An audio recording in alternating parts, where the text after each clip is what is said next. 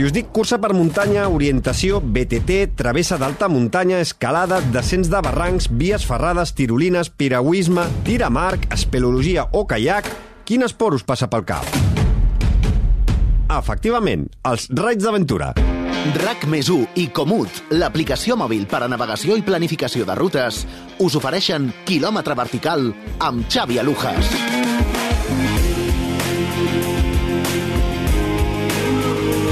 Benvingudes i benvinguts a Quilòmetre Vertical. Els raids d'aventura és un esport multidisciplinari on la muntanya és l'escenari principal, en el qual es combinen diversos esports que hem mencionat ara fa uns segons. Les disciplines principals són la cursa per muntanya, la bicicleta de muntanya o de gravel. Normalment sempre hi ha una prova de corda, com l'escalada, descens de barrancs o tirolines. Però hi pot haver natació, piragüisme, tirar marc o fins i tot espeleologia. Normalment tots els recorreguts es fan amb els mapes i fulls de ruta en diferents formats que entrega l'organització i que són secrets fins a poques hores abans de la sortida. Es divideixen en seccions de durada i distància variable on obligatòriament s'han de passar uns controls de pas on s'ha de marcar una targeta de pas i on els participants canvien de modalitat esportiva i en aquests punts tenen possibilitat de rebre assistència, avituallament, entre d'altres coses.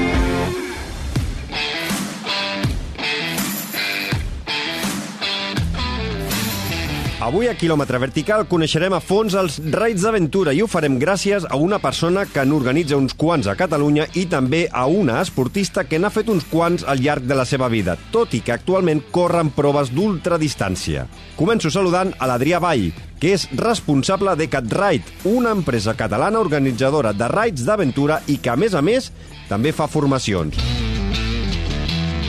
Adrià Vall, benvingut a Quilòmetre Vertical. Hola Xavi, moltes gràcies per convidar-me. Gràcies a tu. Eh, escolta, Adrià, quin tipus de raids eh, organitzeu? Mira, nosaltres organitzem raids, eh, la majoria d'ells tenen un enfocament bastant popular, és a dir, són raids que duren un matí o un dia, on tenim bastanta gent que s'inicia o que ha fet pocs raids, i de tant en tant, cada, cada dos, tres anys, muntem un raid ja més per gent més experimentada, que té varis dies de durada. Mm, i, I quant de temps necessiteu vosaltres per organitzar un raid de, de per exemple, 10-12 hores?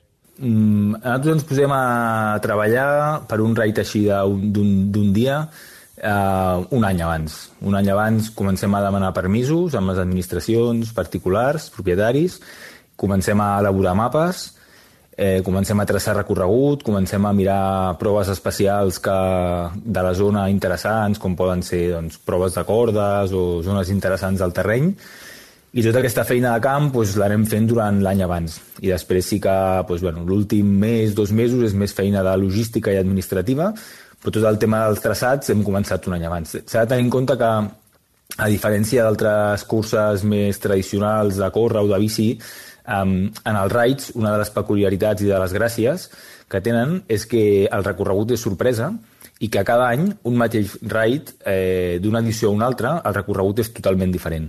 Aleshores, eh, això clar, és una feina enorme de cada any estar buscant zones interessants i estar definint recorreguts que han de canviar cada any. I de normal, quines són les disciplines en les quals eh, incloeu en un raid d'aventura? Les que més hi ha és eh, trail, caminar o córrer per la muntanya, bicicleta de muntanya, i normalment es fan amb orientació, és a dir, el recorregut no està marcat, sinó que els participants, amb l'ajuda del mapa i la brújula, han d'anar completant el recorregut que proposem l'organització, trobant diferents balises que amaguem per la muntanya, i per tant han de tenir unes nocions mínimes o bàsiques o si no ja les, les aniran aprenent sobre la marxa a mesura que es vagin partint trobant d'orientació. O sigui que diem que la base seria BTT Trail Orientació i que és potser diguem, el 60, 70, 80% del raid, depenent del raid, i després hi ha altres disciplines que, que poden anar variant, com poden ser kayak, proves de corda, escalada, ferrata, espeleo, barrancs, tiramarc, rafting... Amb el tema de l'orientació, vosaltres marqueu uns punts en el mapa, llavors els participants eh, poden anar a aquell punt com ells, pel camí que ells decideixin, és a dir, els que ells creguin que és més ràpid? Sí, exacte. Eh, nosaltres, la setmana abans, comencem a enviar... És a dir, anem desvelant informació sobre el raid eh, progressivament a mesura que s'acosta la data. És a dir, en el moment de fer l'inscripció, els equips ja tenen una informació inicial que aquesta informació els ajuda a decidir a quina categoria apuntar-se.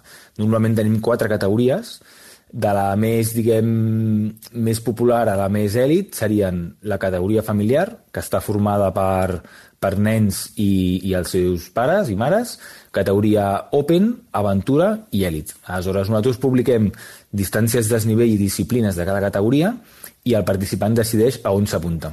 A partir d'aquí anem publicant informació i just el, quan comença el raid els donem els mapes i en els mapes ells veuen eh, on comença cada secció, a on acaba aquella secció i pel mig, és a dir, entre l'inici i el final, els hi marquem uns punts en el mapa que ells han de trobar, que és on hi ha les balises.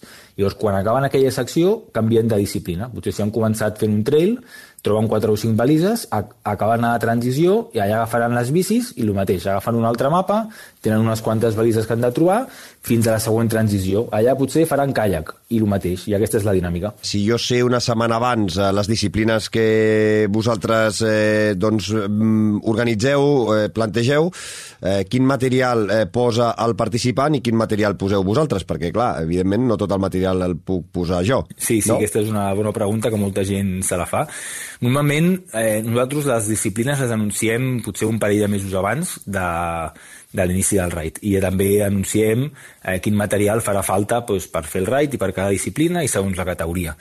Normalment en categories més populars, quan la gent s'inicia, eh, fa falta molt poc material. És a dir, intentem des de l'organització facilitar-ho al màxim i bàsicament et diria que fa falta el mateix que necessitaries per anar a córrer per la muntanya, és a dir, una roba adequada, unes bambes adequades. Si fas bici, doncs també el mateix. La bici te l'has de portar tu, amb el calçat de la bici i el casc, i, i a partir d'aquí intentem que la, la, jo, una motxilla amb un material de seguretat, eh, com amb la majoria de curses, doncs una manta tèrmica, un xiulet, coses bàsiques de seguretat que hauríem de portar sempre que anem a la muntanya, i a partir d'aquí intentem que les altres disciplines, sobretot en categories i raids més populars, que ho posem l'organització. Aleshores, el caiac, a xaleco salvavides, al rems, ho acostumem a posar, ho acostumem a posar l'organització, si hi ha proves de cordes, l'equipament de les cordes la posem l'organització, inclús molts cops deixem l'arnès o si no facilitem que se'n pugui jugar és a dir, intentem que sobretot en categories populars el material que hagis de portar sigui mínim. Els raids es, corren, eh, es poden córrer de forma individual o sempre s'han de córrer per, per parelles o, o per equips? Normalment, per reglament, eh, es corren en equips. Els equips poden estar formats per entre dos i cinc persones, en funció de la competició i de l'organització del raid. A vegades t'obliguen que siguin mixtes o a vegades no. I el reglament normalment diu que ha de ser en equip. Alguna vegada, en algun raid, sí que s'ha deixat l'opció de fer categories individuals, però no, no és lo habitual. Adrià, per fer tot això, les cordes, caiac, si una persona que ens escolta ara vol començar i es vol iniciar amb el món de, dels raids, eh, com, com, com s'ha d'iniciar, com s'ha de formar per poder participar? Doncs, bueno, lo, jo li diria que el més important és tenir, tenir les ganes i estar disposat a viure una aventura que segur que recordarà, estar disposat a perdre's potser una mica per la muntanya i potser el, el primer que li faria falta és, és trobar un equip, o trobar un, o una parella, enredar algú o enredar-vos mútuament i tenir un equip. Això és el més important perquè, perquè s'ha de participar en equip i a part també el fet de compartir l'experiència és molt més enriquidor. Després, doncs, agafar el calendari, mirar quins raids hi ha. A Catalunya, els últims anys, acostuma a haver-hi entre 5 i 10 raids a l'any. Eh, doncs mirar quin raid, que per dates et vagi bé, que les disciplines més o menys t'agradin, que de distàncies i desnivells s'adequi al que voleu fer vosaltres, trieu la categoria que més s'adequi i a partir d'aquí, quan ja tingueu informació de quines disciplines hi ha, pues, pues, bueno, si, si les podeu practicar abans i, i anar-ho a testejar, pues molt millor que no pas que et vingui de nou. És car eh, participar en un raid d'aventura, Adrià? Doncs mira, depèn de... Els preus poden oscil·lar entre més o menys uns 20 euros un raid de categoria popular que et pugui durar unes hores o un matí, i un raid, per exemple, a la Copa del Món, doncs ja potser se'n va pels pot ser 2.000 euros, 3.000, 4.000, a pagar entre l'equip, que acostumen a ser equips de, de 4 persones.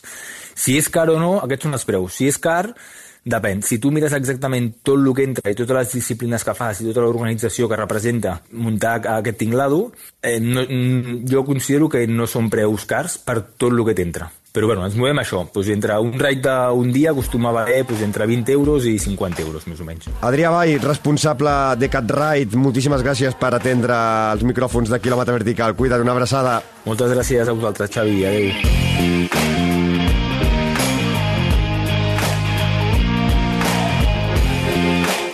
Moment ja hem après què és un raid d'aventura, com es combinen les diferents disciplines i ens podem fer una idea de per on començar a practicar-ne un. Però em ve molt de gust capbussar-m'hi i viure un des de dins, amb una corredora que n'ha fet uns quants, tot i que ara està més per les ultratrails. És per això que m'acompanya la Manu Vilaseca, brasilera, fincada a Mollà. Manu, benvinguda a Quilòmetre Vertical. Hola, moltes gràcies. Escolta, Manu, eh, actualment eh, només participes a proves d'ultradistància. Recentment has participat a Tailàndia a la Do Intanon eh, by UTMB, eh, però bueno, estàs a totes les curses que pots de, de, de llarga distància, de, de 100 quilòmetres o 100 milles, però sí que has participat a un munt de raids d'aventura, eh, i realment internacionals i complicats.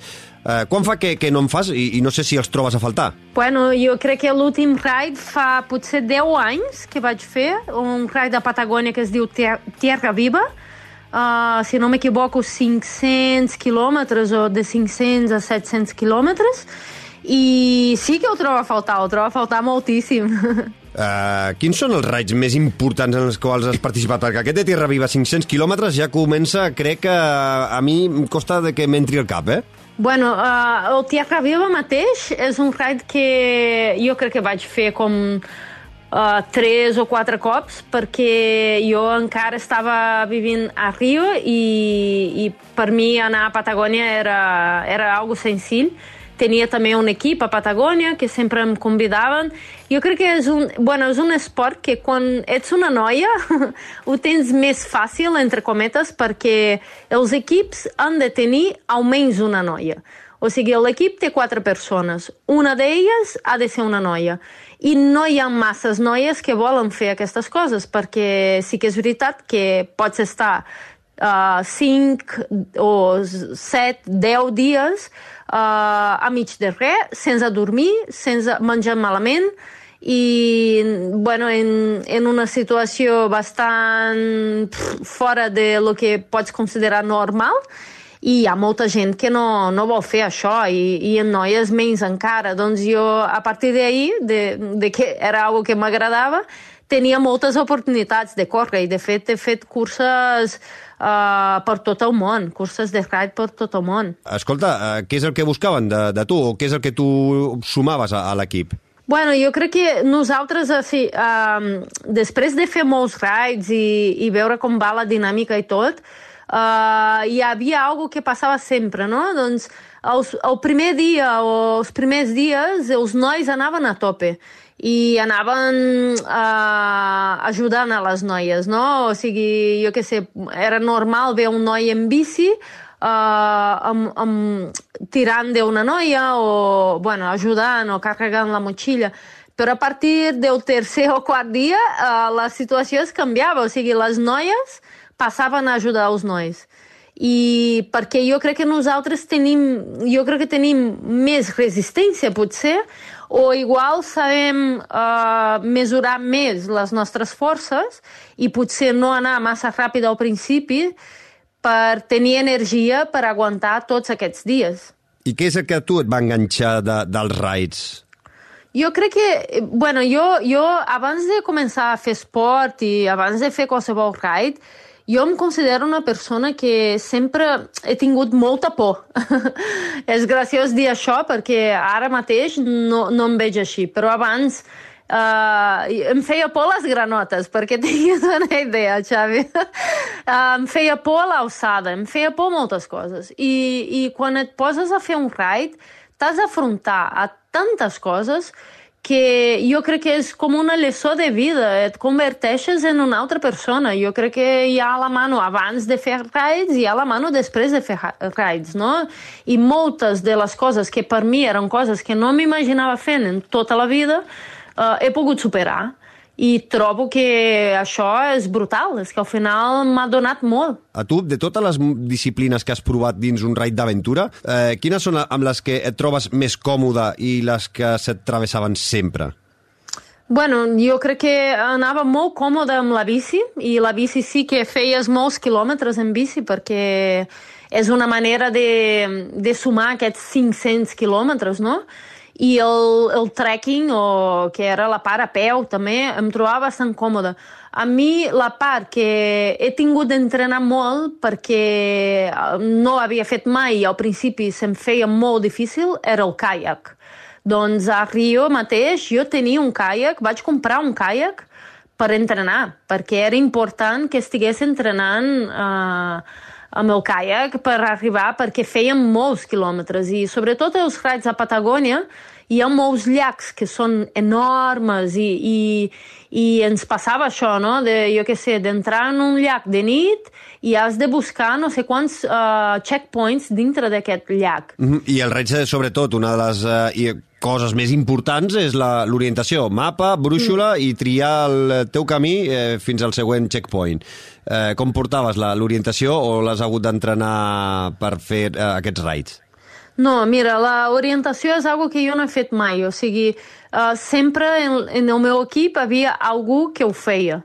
Hi ha, normalment uh, hi ha una persona que ho fa i ho fa bé, perquè no serveix de res que tu tinguis un equip amb quatre superatletes i que no pugui orientar perquè al final eh, és super important saber on vas o, o no perdre o, o trobar un checkpoint I, i, i nosaltres, clar, en els raids molts cops ens amagàvem de nit perquè, clar, tu estàs, eh, es veu al frontal, o sigui, he trobat el corriol que porta cap al checkpoint i la gent no ho està trobant, doncs m'amago, saps? Tothom eh, para al frontal, s'amaga, para de parlar i es fica dintre del corriol i desapareix.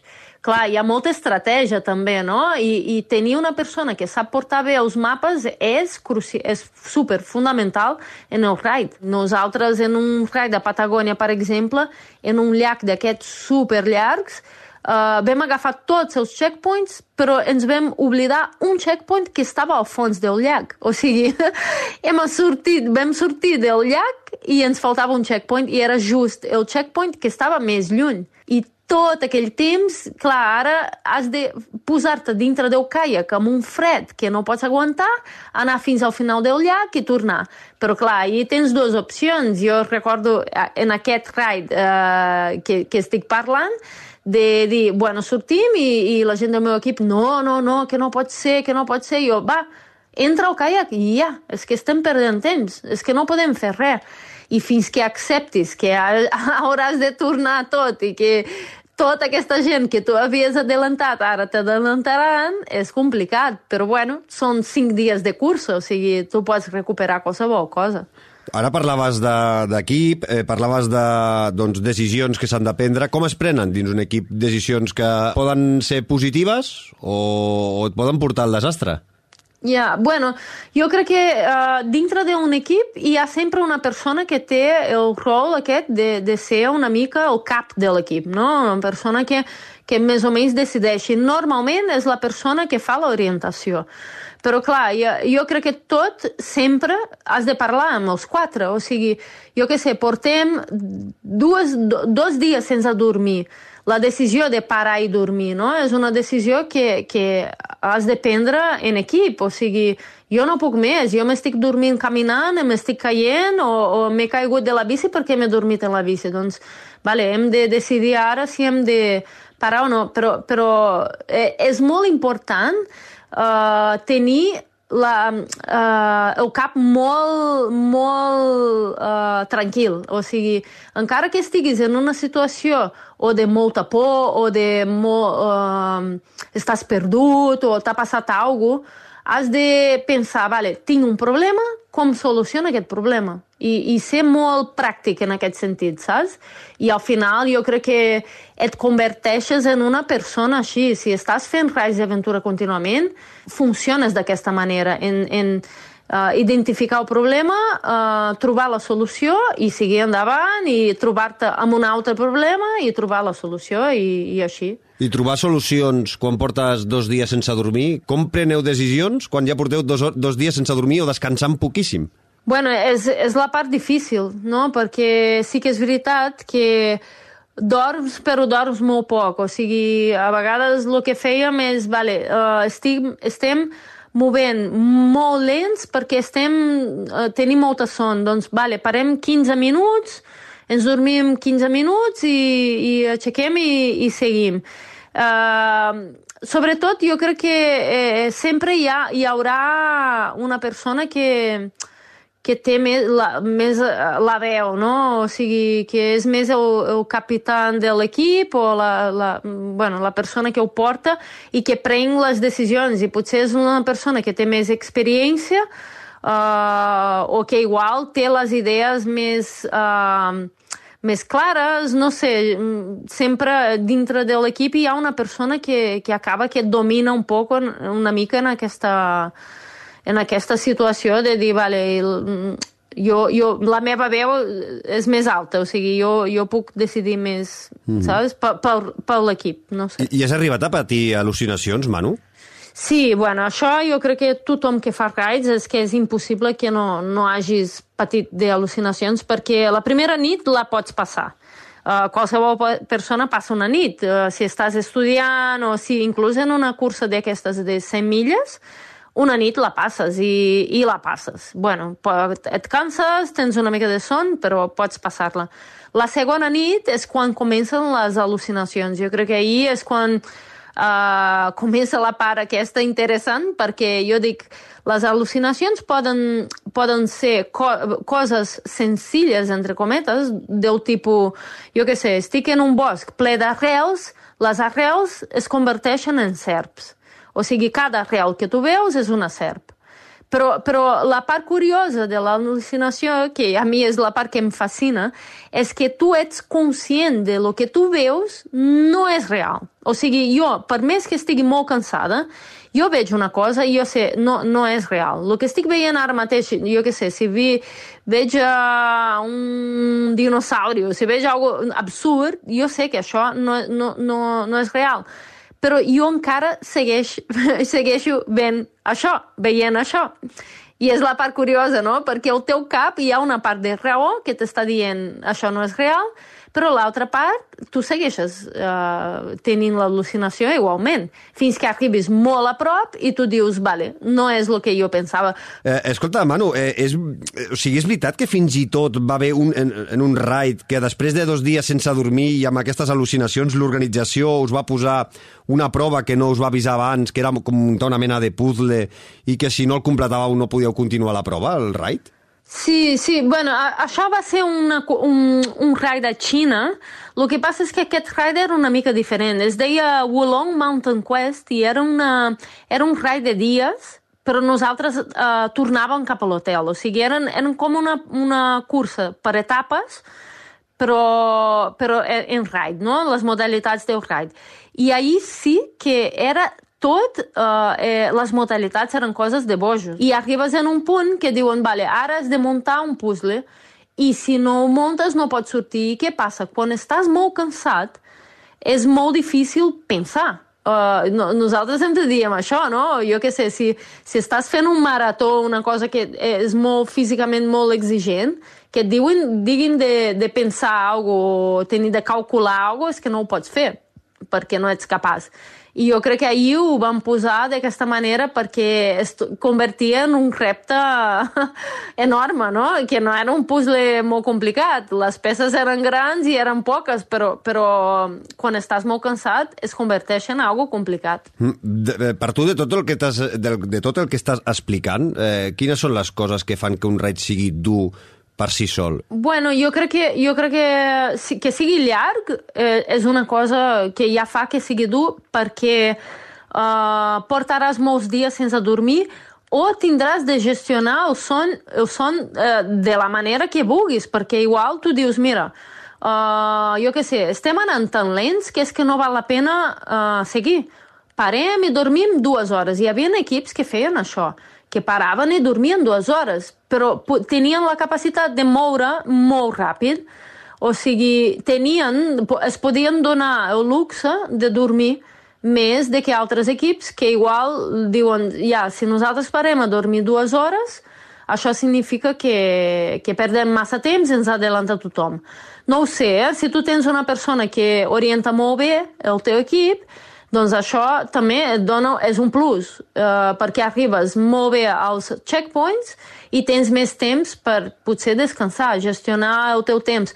Jo penso que el ride es fa dur uh, quan l'orientació és complicada, perquè hi ha rides que l'orientació és super complicada, o sigui, els millors uh, navegadors del món estan patint per arribar a un checkpoint i està tothom perdut.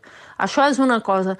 Després, uh, que les disciplines um, siguin, que, que tinguin etapes molt llargues. Per exemple, el Patagonia Expedition Race, que és un ride de 10 dies, una de les, de les parts del, del raid era uh, creuar la cordillera de Darwin 160 quilòmetres. O sigui, això era un, de un checkpoint a l'altre. És una, és una bogeria. I, I, escolta, i a tot això que estàs explicant, com, com s'entrena? Bueno, tu has d'entrenar, jo crec que és superimportant, entrenar amb el teu equip. Això és, és clau, perquè Clar, que tu vagis mega ràpid, però tens una persona al teu equip i no ets conscient de que és una persona que va molt lenta, ja m'ha passat això, de, de igual trobar el meu equip a la cursa, començar uh, pensant que anirem super ràpid i anirem a disputar la cursa i em trobo amb un atleta dintre de l'equip que estava físicament molt poc preparat. I clar, això per mi és com... Ah, què, què estic fent aquí, saps? Què, què trobes amb això? I, i, i no, no ho sabia fins al moment de, de començar el ride. Doncs jo vaig amb unes expectatives de, de disputar el ride i, i arribo i, i tenim una persona dintre de l'equip que simplement anava molt a poc a poc. I això és, és un problema. Doncs jo penso que és superimportant entrenar amb la gent que està al teu equip. Però encara que sembli uh, moltíssim, i sí que és moltíssim, però el canvi de modalitat, això et fa un canvi de xip perquè comences a treballar diferents tipus de, de grups musculars i, i, i és com, vale, saps? He fet 160 peu, no puc més, però agafo la bici i em canvia el xip. I de la bici després faig 100 quilòmetres en bici, deixo la bici i em toca fer 30 de caiac. pues, torna a canviar el xip. I jo crec que d'aquesta manera eh, es fa més light, així, si puc dir. I, clar, el 2012 deixes eh, el Raig d'Aventura i et passes a les curses per muntanya, a la, sobretot a les, ultras, a les proves d'ultradistància. Eh, a, a tu què t'ha portat el Raig d'Aventura a, a l'hora de competir amb, per exemple, una UTMB o, o ara a Tailàndia? Bueno, jo crec que m'ha portat tot. m'ha fet qui sóc perquè la primera cursa que he fet de, la, de trail running en la meva vida va ser una cursa de 100 milles. O sigui, mai havia fet una cursa de trail running i em vaig apuntar a fer la missió en Patagònia, això al desembre de 2011. I clar, jo entrenava, uh, el meu entrenador a Rio, no?, que em deia, tu estàs totalment boja, com és que vols fer això i tal? I jo li deia eh, en plan, és que això és només una part del, del ride, és una part de, la, de lo que estic acostumada a fer. I, i jo em coneixia molt, el meu cos, uh, tot, uh, el menjar, ja, ja, ja estava molt acostumada a fer això. I no em feia por fer alguna així. Sempre, clar, et fa respecte i tal, però per mi no deixava de ser una petita part de lo que jo estava fent i, i d'aquesta manera és la manera com, com vaig començar a fer les curses de, de muntanya. I et pica no, el, el coquet de, de tornar a, fer, a provar i, i competir en un raid d'aventura o ja és una etapa passada i ara, doncs, escolta, a dedicar-se només a l'ultradistància? No, mira, eh, jo sempre dic això, a mi em fa gràcia eh, tornar a fer un raid perquè com que és algo que fa molts anys que no faig, i, I ara també jo crec que sóc una persona... Bueno, ja he viscut moltes més experiències. Si, de, si jo hagués de tornar a fer un ride, uh, ho afrontaria d'una manera diferent, jo crec que sí. I, I és de les coses que jo penso que m'han fet qui sóc ara mateix. M'han canviat, i sempre dic això, m'han canviat uh, per millor, o sigui, he après moltíssim i en la meva vida mateix, uh, a vegades en la vida, i, uh, i això dic d'una forma general, no? molts cops ens trobem en situacions que ah, no, no, no puc fer res, no hi ha sortida, i tu dius, vale, calma, tranquil, para, respira, pensa i, i actua, vale, troba la solució tu la pots trobar. I en els raids no deixa de ser el mateix. I jo penso que ara eh, tot el que he après amb aquestes curses m'han aportat per la meva vida.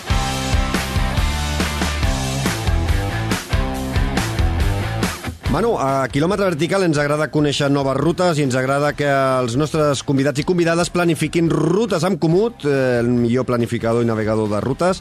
Per això, Manu, m'agradaria que em diguessis una ruta que facis sovint o que t'agradi per algun motiu en especial i l'afegirem a la nostra col·lecció de rutes que trobareu a Comut amb l'usuari de Fem Muntanya i trobareu les rutes eh, de quilòmetre vertical. Bueno, perfecte. Jo, jo tinc moltes rutes que m'agraden, però les rutes al Cadí potser són les que més utilitzo per entrenar i és dels llocs que a mi m'agrada més i, i compartiré rutes uh, amb vosaltres. Doncs eh, les afegirem, les afegirem a, a les rutes eh, del quilòmetre vertical a Comut. Manu Vilaseca, un plaer, de debò, t'ho dic, eh, compartir aquests minuts de quilòmetre vertical amb tu. Eh, de debò que ha sigut un luxe poder xerrar aquesta estoneta amb tu. Que vagi molt bé i fins aviat i a veure si t'animes a, a tornar als Raids d'Aventura. Una abraçada. Una abraçada, moltíssimes gràcies. Casa nostra, molts corredors i corredores d'ultrafons van començar amb la pràctica de raids d'aventura, com és el cas de la Núria Piques, que va arribar a ser campiona de Catalunya l'any 2010. I també aquest mateix any, la desapareguda Emma Roca es va proclamar campiona del món. La gran Emma Roca havia participat en els raids més extrems del món i en el darrer que va participar es va gravar en format de superproducció per Amazon Prime. Us recomano que recupereu quan pugueu el World's Toughest Rage Eco Challenge Fiji. Amb l'Emma vaig poder parlar sobre aquest docu-reality en el primer capítol del podcast Fem Muntanya. I aquest és un petit extracte de la conversa. Els raids d'aventura, a més a més, el que tenen és que no és una sola disciplina, per tant, hi ha molt menys risc de lesió i has d'entrenar molt. Vull dir, bici, córrer, caminar, orientar, cordes, remar, i de remar, per exemple, aquí les Fiji, tant van fer paddle surf, com van fer kayak, com van fer canoes locals, eh, com vam nedar, vull dir, hi havia tot. Llavors, clar, al ser tan variat, encara que sigui llarg i dur, saps que vas canviant de disciplines i t'enriqueix molt, és, és, és superdinàmic. Un raid són tres Ironmans cada dia imagina't, a partir del primer dia la part mental és la que et va tirant a tots nivells. O sigui, el, el cos evidentment t'ha d'aguantar, perquè si hi ha una lesió, una sobrecàrrega o una dolència X tant intestinal com doncs tu hauràs de parar. O sigui, el cos sempre t'ha d'anar acompanyant, però qui tira del carro, és el moment, home, jo hi ha un moment en el, un dels capítols que, que podeu veure que estic molt al límit de la hipotèrmia i hi ha un càmera que m'està gravant i jo estic demanant, si plau quan falta, però no em pot dir res i si, bueno, parar és morir, i, i ho dius, no? Si voleu recuperar la conversa sencera la trobareu a qualsevol plataforma de podcast o a la web femmuntanya.cat. I recordeu que si voleu recuperar totes les rutes dels nostres convidats i convidades, cal que entreu a Comut i busqueu l'usuari Fem Muntanya on hem creat una col·lecció amb totes les propostes. Quilòmetre Vertical tornarà ben aviat amb més històries relacionades amb la muntanya. Fins llavors, gaudiu i sigueu feliços amb salut seny i muntanya. RAC més i Comut, l'aplicació mòbil per a navegació i planificació de rutes, us han ofert quilòmetre vertical amb Xavi Alujas.